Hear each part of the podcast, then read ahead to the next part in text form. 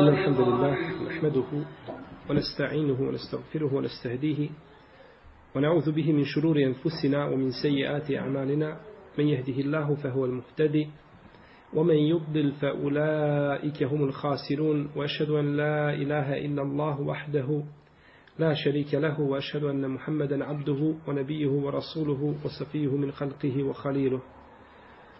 أدى الأمانة وبلغ الرسالة ونصح للأمة وكشف الله تعالى به الغمة وجاهد في الله حق جهاده حتى أتاه اليقين. أما بعد فإن أصدق الكلام كلام الله تعالى وخير الهدي هدي محمد صلى الله عليه وسلم وشر الأمور محدثاتها وكل محدثة بدعة وكل بدعة ضلالة وكل ضلالة في النار. أما بعد كاجي أوتر ولمسلم عنها قالت سمعت رسول الله صلى الله عليه وسلم يقول لا صلاة بحضرة طعام ولا وهو يدافعه الأخبثان أو verzi od muslima od nje. To jeste od Ajše radijallahu ta'ala anha, zato što ona prenosi prethodni hadis. Kaže, čula sam poslanika sallallahu alaihi wasallam da je rekao nema namaza kada se postavi hrana, kada se servira hrana, nema namaza. Niti ima namaza kada ga pritišću dvije fiziološke potrebe. Dvije fiziološke potrebe, znači velika i mala, i to je došlo u nekim drugim hadisima spomenuto tako, kada ga pritišće velika ili mala fiziološka potreba. Govorili smo u prethodnom hadisu kakav je propis namaza kada čovjek ima fiziološku potrebu nema namaza. Neka ulema kaže ovdje nema namaza u potpunosti. Pa mu je namaz šta? Pokvaren, batil. Ako bi ga klanjao kada se postavi hrana, namaz mu je batil, nije ispravan. I to je mišljenje učenjaka zahirijske, odnosno pokvalističke pravne škole. Dok kaže većina učenjaka, sljedbenici četiri pravne škole, njihovi imami, da nema potpunog namaza. Pa je u prvom slučaju negira se ispravnost, a u drugom slučaju se negira potpunost. Negira se potpunost. Kaže autor knjige El Kabes, to je komentar Malikove muete, razišla se ulema zbog čega je zabranjeno čovjeku da klanja kada ga pritišće jedna od dvije fiziološke potrebe. Pa jedan dio učenjaka kaže da čovjek tada neće biti skrušen u namazu neće biti skrušen u namazu, zato što osjeti veliki pritisak stomaku i ne može, znači, biti skrušen u tom slučaju. Dok drugi kažu, zato što je postoji velika i relativna mogućnost da iziđe nešto iz njegovog tijela, pa tako da pokvari sebi šta? Abdesti namaz. U svakom slučaju je bilo ovo ili ovo, a može biti jedno i drugo, isto nema smetje da bude jedno i drugo, zabranjeno je znači klanjati namaz kada čovjek osjeti da ga pritišće jedna od dvije potrebe. Po spoljašnjem značenju ovoga hadisa trebaju da se spoje oba dvije potrebe zajedno. Jer kaže nema namaza kada ga pritišću Rečeno je ovdje dvije potrebe. Ja sam preveo jedna od dvije potrebe, no međutim u hadisu je došlo kada ga pritišću dvije potrebe. Znači morale bi se dvije potrebe spojiti da ga pritišću. No međutim, ispravno je mišljenje da je dovoljno jedna potreba da čovjeka pritišće i zbog toga neće u takvom slučaju klanjati, kako je došlo u hadisu, Abdullah ibn Arkama, koga zabilježi imam Nesai i Malik, i koji ima vjerodostojan lanac prenosilaca, da je poslanik sa vasanom rekao, i da arade ehadukumul gajot, fel jebde bihi qable salah. Kada od vas neko bude htio obavljati veliku potrebu, neka to učini prije namaza. Neka počne sa velikom potrebom prije namaza. Pa je ovdje spomenuto jedna ili oba dvije potrebe? Jedna. Znači, pa je dovoljno da jedna potreba, ako bismo išli po spoljašnjem značenju hadisa i bukvalnom razumijevanju argumenta, onda bismo kazali oba dvije. No, međutim, ispravno mišljenje da je dovoljno samo jedna potreba. Kaže Ibn Hibban, spojene su, kaže ovdje, dvije potrebe, no međutim nisu ciljanje. Ciljane tako. Bilo da se spoje ili da se razdvoje, čovjek treba početi sa fiziološkom potrebom prije namaza. Čovjek koji klanja do ga pritišće jedna od dvije potrebe ili želi da klanja pritišće ga, može biti čovjek koji će pokvariti nešto od ruknova ili od šartova ili neće pokvariti. Pa ako će pokvariti rukn ili šart, tada mu je zabranjeno da počinje. Ako pokvari, ako ulazi, zabranjeno mu je. A ako uđe pa mu pokvari rukn ili šart, onda je šta? Namaz pokvaren. A ako završi takav namaz, a pritišće ga, ispravno je da je namaz sahih, ispravan, ali sa pogrdom, sa kerahijetom. Znači, mekruh je. Mekruh je takav namaz. Kaže, kadija Jaob, složna je ulema, da čovjek ako klanja namaz, a ne može biti svjestan ničega zbog velikog pritiska i ne zna ni šta klanja ni kako uči, kažu složni su da mu je na, zabranjeno takvom ući u namaz, a ako je ušao u namaz da prekine namaz i da obavi ono što treba i nakon toga da nastavi svoj namaz. Pa tako čovjek koji znači, uđe u, može biti čovjek u jedno četiri stanja, čovjek koga znači, pritišće potreba, da je onaj čovjek koji zbog velikog pritiska ne zna ni šta uči, ni šta klanja, i takvom je zabranjeno da ulazi u namaz po konsensusu učenjaka. Ili da bude onaj koji zna šta učino, međutim nema skrušenosti zbog velikog pritiska. Ili čovjek koji će pokvariti rukni ili šart, ili čovjek koji neće pokvariti rukni ili šart, ali sumnja, ali sumnja da ne bi slučajno pokvario, znači ili da je pokvario nešto od toga. Ko klanja u ome stanju, on ima od namaza ono koliko je prisutan. Zar nije poslanik sa osreme rekao, uđe čovjek u namaz i klanja, a nema od namaza osim jednu devetinu, osminu, sedminu, šestinu, petinu, četvrtinu, trećinu, polovinu. Klanja znači namaz, a iziđe iz namaza, nema od namaza nego onoliko koliko je prisutan u namazu.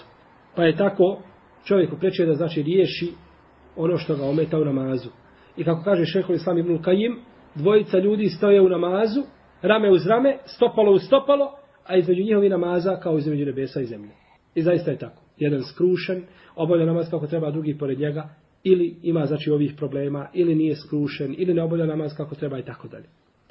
Kaže Ibn Kasim, s ovoj djelu Hašijetu Raub, počeće sa malom ili velikom fiziološkom potrebom, ili da ima potrebu za vjetrom, taman ga prošao džemat. Taman ako ga džemat prođe, preče je da to uradi. Preče je da obavi fiziološku potrebu koju ima. Kažu neki učenjaci da se ovome priključuje i druge stvari koje zaokupljaju čovjekovo srce dok je u namazu i umanjuju njegovu skrušenost. Kako je rekao poslanik sallallahu alejhi ve sellem u hadisu koga bilježe Buhari i Muslim, la yaqdi al-qadi wa huwa ghadban. Neće kadija suditi dok je ljut. Ne može kadija suditi on ljut. Da ljutla ga žena i on došao da sudi između dvojice. I on ne može tada realno presuditi, kao da je kadija gladan. Kadija gladan i treba sad sjetiti na parnici tri sahata.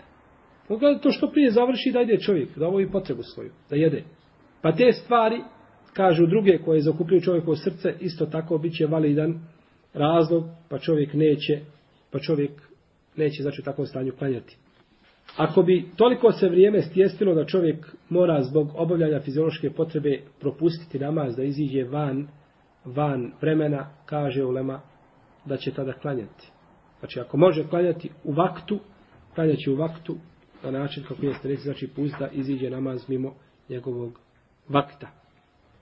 Znači, kazali smo nešto što liči pritisku jedne od dvije nužde, kao što je velika glad ili velika žeđ. Čovjek zna, ako se napije, da će ga proći džemat, a toliko je žedan da zna da će jedva izdržati da kanja namaz, ili će cijelo vrijeme misto namazu o, o piću i tako dalje u vodi, onda je bolje da se napije. Ili čak neka olema kaže velika žalost i velika sreća. Velika sreća nekakva koja čovjeka pogodi i zadesi ga da je tada bolje da malo sačeka nego da uđe takav u namaz jer neće znati znači ni šta i kako klanja. To je hadis Aisha radijallahu ta'ala anha i nakon nje dolazi hadis an Abdullah ibn Abbas radijallahu anhuma kale šehide indi rijalun merdijun وارضاهم عندي عمر أن رسول الله صلى الله عليه وسلم نهى عن الصلاة بعد الصبح حتى تشرق الشمس وبعد العصر حتى تغرب Kaže Ibn Abbas, obavijestili su me kod mene povjedljivi i iskreni ljudi, a najpovjedljiviji od njih koji me obavijestio je Omer, radijallahu anhu, da je poslanik sa osreme zabranio da se klanja namaz poslije sabaha dok ne iziđe sunce i poslije i kindije dok ne zađe sunce. Autor je spomenuo ovaj hadis u poglavlju namazki vremena. Zašto? Zato što je ovdje spomenuto priješnji hadis koji, kojima smo govorili na namazki vremenima, spominjali su farzove. A ovaj se, ovaj se hadis tiče na fila i vremena na fila. Zabranjenog vremena za nafile, ne za propisane farzove. Govorili smo Ibn Abbas u poglavlju Stitabeta, o njegovoj biografiji. Hata tušrika šems, dok ne iziđe sunce, ovdje se misli dok sunce ne oskoči i ne iziđe, znači i ne bude jarko grijalo. Nije samo puko izlazenje sunca. Jer je došlo u hadisu kod Buharije od Ibnu Omera, da je poslanik sa osadama rekao, kada izvire obrve sunca, to jeste šta? Onaj gornji poluluk kada izviri, kao obrva, nemojte, kaže, klanjati namaz dok ne odskoči. A kada pođe zalaziti, kada donji dio, donja obrva zađe, ili donji poluluk, nemojte klanjati dok potpuno ne zađe. I hadis Ukveta ibn Amira, koga bližava muslim u Tirmizi, da je poslanik Salasaleme zabranio da se klanja u vremenima određenim i da se u tim vremenima okopavaju mrtvi, pa je rekao hine tatlu šemsu bazikaten hatta tartefija. Kada sunce nako iziđe jarko grijući, dok ne oskoči. Pa šta se je mislo dok ne iziđe sunce? Je se mislo puko izlazenje sunca ili da oskoči? Da oskoči. Da oskoči. Znači na što ukazuju jasno, na što jasno ukazuju ovi hadisi poslanika sallallahu alaihi wa alihi wa sallame. Šehide indi riđanun mrdijun. Posvjedočili su kod mene neki ljudi kojima sam ja bio zadovoljan. Ili koji su bili kod mene poštovani, cijenjeni ili koji su bili povjerljivi i tako dalje. U ome hadisu je dokaz da je dozvoljeno da jedne ashabe smatramo boljim od drugih. Jer je Ibn Abbas rekao, a najpovjerljiviji kod mene je ko? Omer. Znači, pa je dao prednost Omeru nad drugima. I to je, to je poznato bilo vremenu ashaba, kako je došlo, da su govorili od Ibn Omara, kod Tabaranije i kod drugi. U stvari predaje je došla u vjerodostojnim zbirkama, ali ovaj dodatak koji spomenuo došao kod Tabaranije, da je govorio, i mi smo vreme poslanika sa osadama govorili, najbolji je Ebu Bekr, potom Omar, potom, uh, potom Osman, i kaže to je slušao poslanik sa sam i nije to osuđivao. Pa su vrijeme poslanika, znači već i bile deređe te, koje su, znači, i poslanik je sa osadama sam govorio, najdražimi od ljudi, Ebu Bekr. I ome hadisu isto jedan jako bitan argument, a, a, koji je dokaz protiv šija, koji kažu da su ashabi mrzili Ehlul Bejt. Naravno da su, i da je Ehlul Bejt mrzio Omara i Ebu Bekra. To nisu voljeli. Kako će voljeti dvojicu najvećih taguta u umetu, je tako? Po njima. A šta kaže Ibn Abbas? On je kod mene najpovjedljiviji.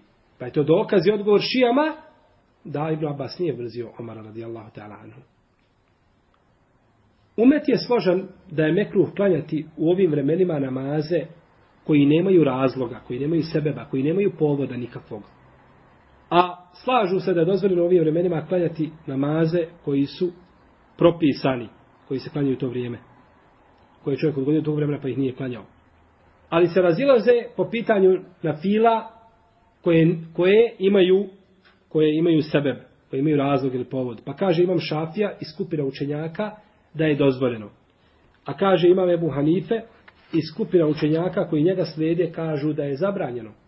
I koriste opće argumente koji ukazuju na zabranu.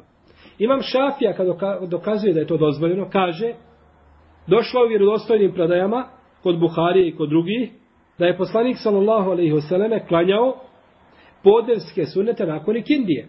Je tako? A rečeno je nema namaza posle ikindije dok ne zađe sunce. Znači, pa je poslanik za osrame klanjao, naklanjavao poslije, poslije, znači, ikindije. I kažu isto tako, ako je dozvoljeno naklanjavati sunete koji su ostali, onda je, kaže, namaze, i kindija, recimo, koja je odgođena do pred zalazak sunca, preča da se klanja u tom vremenu, je tako? A još preći je da se klanja namaz koji te je prošao. Koga nisi klanjao nikako. Podne, na primjer, dotle se odgodio, nisi klanjao. Onda je preče da podne klanjaš u tome vremenu. I kaže isto tako hadis, ko prespava namaz ili ga zaboravi, neka ga klanja kada se sjeti. Je opći, kada se sjeti, kada god da se sjeti, oklanjaj ga. Kaže Ibnu Hađor, što se tiče zabrane klanjanja na fila, kaže to se odnosi na file koje nemaju šta? Sebeba, nemaju povoda.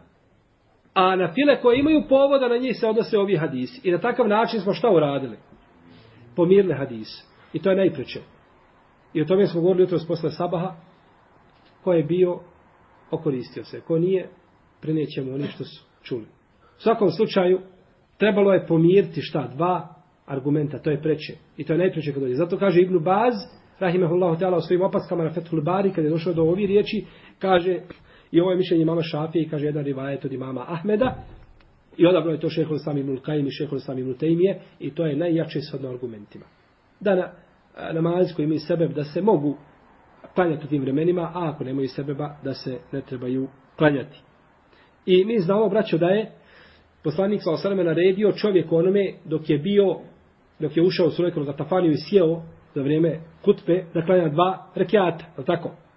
Pa mu je rekao da klanja dva rekiata, a ovaj je hutbu držao, a slušanje hutbe je šta? Vađib. I pored toga kaže, i priča Allaho poslanik, izlazi iz teme hutbe, nego kaže, jesi klanjao, nisam, ustani, klanjaj, priču povodi koja nema veze sa hutbom, sve rad toga da možeš šta, klanjao ta dva rakijata koja imaju šta? Sebe, koji imaju povod. Pa najpreče je bilo da kaže, taman, kad sjeo, sjedni, slušaj hutbu, to je preče. Ne kaže, ustani, klanjaj. Tako znači da je nekada u vremena kada čovjek ne treba da klanja, kao recimo pri hutbi, klanjao zato što je namaz ima šta? Povod koga treba klanjati. Ali da je ustao da nakon toga klanja na file posebne koje nemaju povoda, a da poslanik sam drži hutbu, bil mu to dozvolio? Ali ne bi znao, ne bi. Ne bi, to je zabrana je u tome vremenu da se klanjaju na file. To trebaš da slušaš šta? Hutbu. Pa znači, ta, ti nam argumenti ukazuju da namazi koji imaju sebe bili povod da su u drugom propisu ili u drugom, u drugom hukmu. U svakom slučaju, što se tiče Klanjanje namaza nakon ikindije, to se misli, braćo, dok sunce ne počne mijenjati svoju boju. Tako je došlo u pojedinim hadisima kod Ebu Jale i drugih, dok ne počne znači mijenjati sunce svoju boju iz one žute u crvenkastu boju. Kada počne mijenjati, tada je zabranjeno. Jer je došlo od Alije, od, Ibn, od Alije, od Ajše, radi Allah, ta'ala, kako bilježi uh, Ibn Hazm u svom Al-Muhalla, da su oni klanjali u tome vremenu i jedne prilike jedan od učenika, šejh Albanija, je pričao mi da, i da su izišli jedne prilike sa šehom Albanijem na jednu rihlu, putovanje, izlet, nije bitno. Pa je šejh, kaže, poslije Indije uštao i klanjao dva rekiata. Samo ne bi li ga neko upitao, šejh, kako sto dva rekiata, zar to nije zabranjeno poslije Indije? Kaže, pa ga jedan upitao, pa nam je, kaže, objasnio ovaj propis. I spomenuo, znači, kada je to dozvoljeno, kada je zabranjeno poslije Indije i tako dalje. A to ne možemo, braće, znati nego da sakupimo šta? Puteve hadisa. Ono što smo sinoć govorili. Ako ne sakupiš jedan put, jedan, jedan hadisa, hadis jedan, ako ne sakupiš sa stotinu različitih puteva, nećeš ga razumijeti. I to je to. Ima Malik, kaže da je dozvoljeno klanjati namaz ovaj, jel, bez sebeba, u vremenu kada sunce nalazi u zenitu. Znači on je tu odabrao drugačije, drugačije mišljenje. U svakom slučaju, ovo bi bilo nešto, ukratko znači o hadisu Ajše radijallahu ta'ala i hadisu Ibn Abbasa koji su vezani za naska vremena. I svakako ćemo nastaviti u na, narednom predanju da pričamo znači o istoj temi još uvijek smo u namaskim vremenima. Pa će Allah te bar to razpući našoj vjeri sunet poslanika sa osaleme sukudi na pravi put da su učvrsti na istini na haku. Allah te ala alam. Sallallahu ala nebina Muhammed. Wa ala alihi wa sallam